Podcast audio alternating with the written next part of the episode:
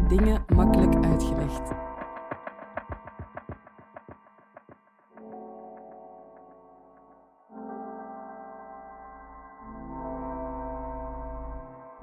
Dit is de podcast van Moeilijke Dingen Makkelijk Uitgelegd. Wie de wereld wilt verbeteren, moet wel begrijpen hoe die werkt.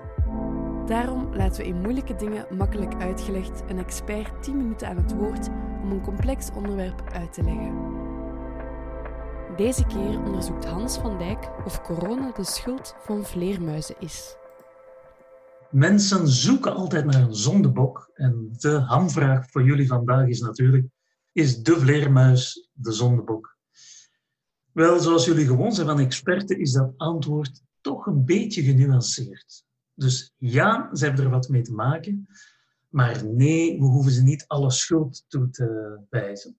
Bovendien, als bioloog moet ik jullie er ook attent op maken dat de vleermuis, die bestaat niet.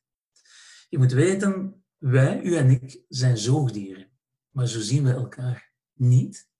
En laat me dat even duidelijk maken met een kleine anekdote. Stel, jij bent ziek.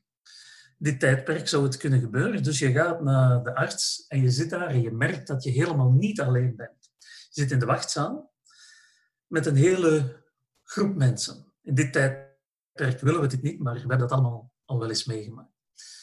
En goed, het duurt en het duurt en het duurt en het duurt. En op de duur komt de arts de wachtzaal binnen en zegt ze...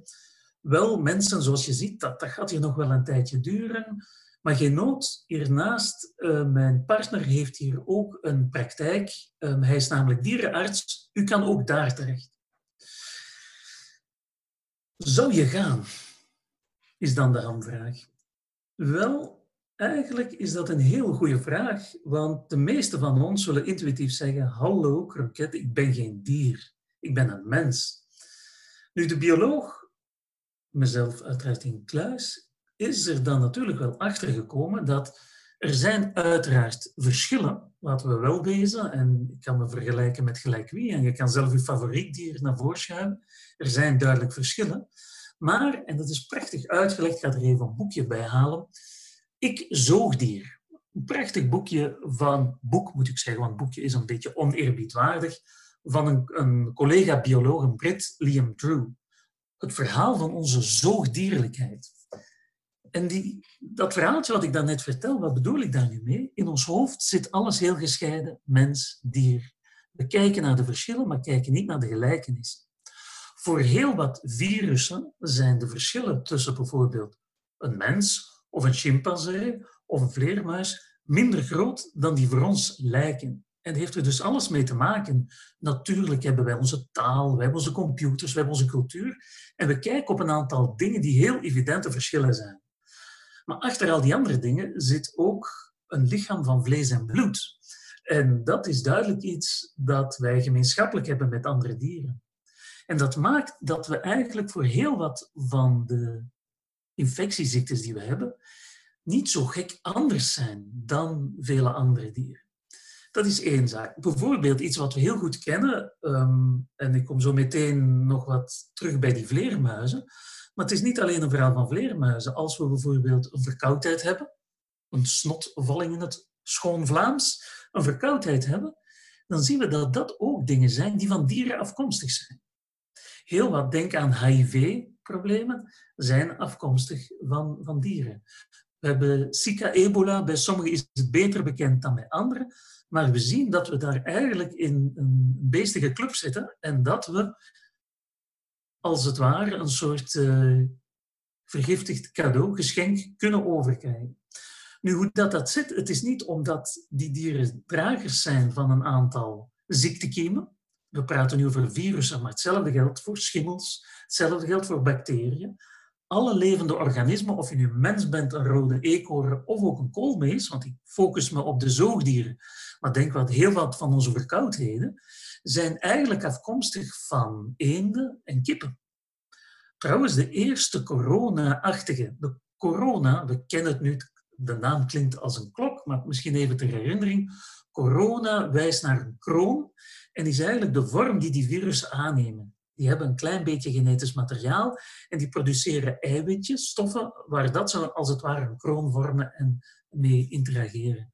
Nu, die eerste vormen daarvan zijn al in de jaren 50 ontdekt, um, waarbij problemen bij uh, longziekte bij kippen, bronchitis. Dus die eerste eh, corona-achtige uh, familieleden, zeg maar, zijn niet bij vleermuizen ontdekt, maar blijken erg verspreid te zijn.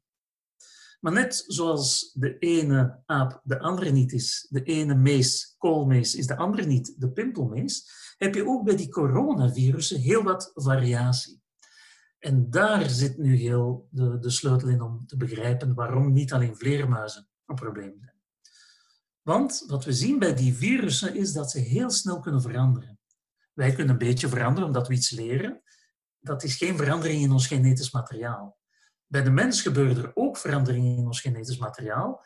Dat gaat niet zo heel snel. Men spreekt van mutaties. Dat is wanneer er in dat, die genetische informatie, omdat die heel de tijd gedeeld wordt, de ene cel vermenigvuldigt zich, we hebben nieuwe cellen nodig, ons lichaam verandert, die cellen vermenigvuldigen en daar worden altijd kopieën van gemaakt. En dat genetisch materiaal, daar zitten soms kopiefoutjes in, mutaties. Nu, bij ons gebeurt dat, maar bij die virussen, dat is een soort uh, mutatie uh, op, op speed. Dat gaat heel snel. Wat maakt dat ze heel snel kunnen veranderen en je heel snel andere varianten krijgt. Dus je hebt bij die virussen bijvoorbeeld eentje die al hele lange tijd aanwezig is bij één diersoort, dan overspringt op een andere diersoort en dan weer verandert en daardoor typisch wordt van de mens, door de mens, of voor de mens liever. Dus er zit er heel wat complexiteit in. Omdat we gelijkaardige kenmerken hebben, kunnen we ze soms ontvangen. Soms worden we ziek door de, hetzelfde type virus, omdat we allemaal zoogdieren zijn. Maar soms wordt, is het heel specifiek. Je kan je inbeelden, ene virus is een soort generalist. Generalist bedoel ik mee, die kan verschillende gastheren aanvallen en kan overal wel zijn of haar slagje slaan. Maar er zijn er anderen die heel gespecialiseerd zijn, die al een aantal veranderingen hebben gehad, waardoor ze alleen nog ons ziek maken. En niet bijvoorbeeld een varken of een, of een koe. Maar het is een hele meute van die... Het is dus niet één diertje. Men spreekt nu vaak van dat beestje. Wel, dat is eigenlijk... Ja, er zijn vele varianten. Hoe komt dat nu bij die vleermuis? Want daar wil ik nu het laatste stukje toe komen. Vleermuizen, en dat weten we al langer, dat is nu, het is niet dat we nu alleen maar met die vinger wijzen naar die prachtige zoogdieren. trouwens, zoogdieren, u en ik zijn zoogdier, daar bent u nu al achter gekomen, maar dat wist u al. De rode eekhoorn, de hond, u kan ze allemaal opzommen. Als u ze allemaal opzomt, komt u tot meer dan 6000 soorten. 1400 soorten van die, van die eh, zoogdieren zijn vleermuizen. 1 op 5 zoogdieren zijn vleermuizen. Dus eigenlijk is de vleermuis een vorm waarin zoogdieren heel vaak voorkomen en veranderd zijn. Die heel efficiënt kunnen functioneren. Wat hebben we nu gezien daar in Azië? Er zijn een aantal bossen waarin heel wat vleermuizen zitten, die heel eh, expliciet drager zijn van verschillende coronavirussen. Dat is op zich geen probleem. Je moet daarmee in contact komen. Wat is daar gebeurd? Je ziet dat daar lokale bevolking um, zich ook voedt met wild vlees, bush meat, zoals men het in het Engels heet. We zien dat niet alleen in Azië, dat gebeurt ook in Afrika, in sommige regio's waar er in de wouden of in de landelijke gebieden nog heel wat wilde dieren zitten, zien we dat dieren niet alleen gekweekt worden, maar ook gevangen worden en zo de markt op gaan. En het zijn die, men spreekt van wet market, dat is gewoon vers vlees dat dan op die markt wildvlees. Dus die vleermuizen worden daar, en dat is niet die kleine vleermuis die je soms misschien aan de straatlantaarn hier in België ziet vliegen, maar daar heb je ook grotere soorten waar best wel wat vlees aan zit. En die worden dus verkocht op een markt. En op de markt, eh, als dat vers vlees is, kan het zijn, als die nog niet zo lang geslacht is en drager is, van die virussen, dat een handelaar of iemand die die slacht en verkoopt, die is met die vleermuis bezig, komt even aan de neus, wrijft in de ogen en het virus is binnen. In de meeste gevallen geen probleem. Ons lichaam verweert zich of doet niks. Maar nu en dan zit er inderdaad een variant die wel een soort gedekte tafel vindt in dat menselijk lichaam. Bovendien nog wat kan veranderen en dan is het hek van de dam. Dus het ziet er naar uit dat dit wereldwijd verhaal inderdaad start met één iemand die die handeling heeft gedaan, pech heeft gehad. En dat is duidelijk een verhaal van kans rekenen. Want je kan zeggen, wat is nu de kans, het toeval dat dat gebeurd is? Als we dat heel vaak doen en heel veel kansen scheppen om die virussen te laten overspringen, ja, dan gaan we dat nog krijgen. Het is dus niet de eerste keer dat virussen overspringen. Het zal niet de laatste keer zijn. Maar omgekeerd, het zijn ook niet alleen de vleermuizen en andere wilde dieren, ook wij mensen dragen virussen rond. En je hebt misschien al wel eens beelden gezien, wanneer je die beelden ziet in Afrika van die prachtige wouden waar gorilla's wonen. Als je die gaat bezoeken, moet je ook een mondmasker dragen. Precies omdat een aantal virussen die wij hebben en die voor ons heel banaal zijn of geen problemen, kunnen dodelijk zijn voor gorilla's. En gorilla's zijn mensapen die doorheen de evolutie gezien relatief kort bij ons staan. We lijken daar heel sterk op. Soms zijn die kleine verschillen inderdaad toch wel doorslaggevend om uh, een groot probleem te kunnen zijn. Dus hebben vleermuizen er wat mee te maken? Absoluut. Ze zijn dragers van coronavirussen. Net zoals heel veel andere dieren ook virussen dragen, ook coronavirussen. En wij ook. Het is niet omdat ze drager zijn dat ze per se problemen veroorzaken, maar mensen zijn wel een heel interessante gedekte tafel voor nogal wat virussen, om verschillende redenen. Eén, we zijn met heel veel. Twee, we leven heel vaak dicht op elkaar, in steden, op de ene plaats wat meer dan op de andere, wat heel interessant is voor contact. Want die virussen vliegen niet zelf van de ene naar de andere. We weten nu heel wat over contact tracing. Eh, we horen dat sinds maanden. Dat is heel belangrijk voor die virussen, contact. En het laatste punt, natuurlijk, is mobiliteit. Wij mensen zijn zo mobiel. En misschien is dat niet alleen wij als individu, maar onze producten. De computer waar ik nu naar kijk, kijk je wil niet weten welke reis dat hij al heeft gemaakt. Maar natuurlijk ook met eten, kledij. We hebben een globalisering, wat ons heel wat prachtige voordelen heeft opgeleverd. Maar we mogen niet blind zijn voor een aantal nadelen. Want dat maakt dat als inderdaad ergens in een bos in China iemand met een vleermuis in contact komt en zo een spillover, dat is een dure woord om te zeggen dat zo'n virus, een ziektekiem van de ene organisme naar het andere springt, vaak doet dat niks, maar soms wel. En als die dan contact kan maken met dat hele netwerk dat we toch geworden zijn, dan ja, kan het soms zijn, het is al eerder gebeurd, het is nu opnieuw, en het kan nog gebeuren, dat dan ja, het spreekwoordelijke hek van de dam is. Dus de enige goede manier om daarmee om te springen is niet zomaar de vleermuizen allemaal uh, doodmaken. Een vijfde van onze zoogdiersoorten om zeep helpen is echt geen goed plan.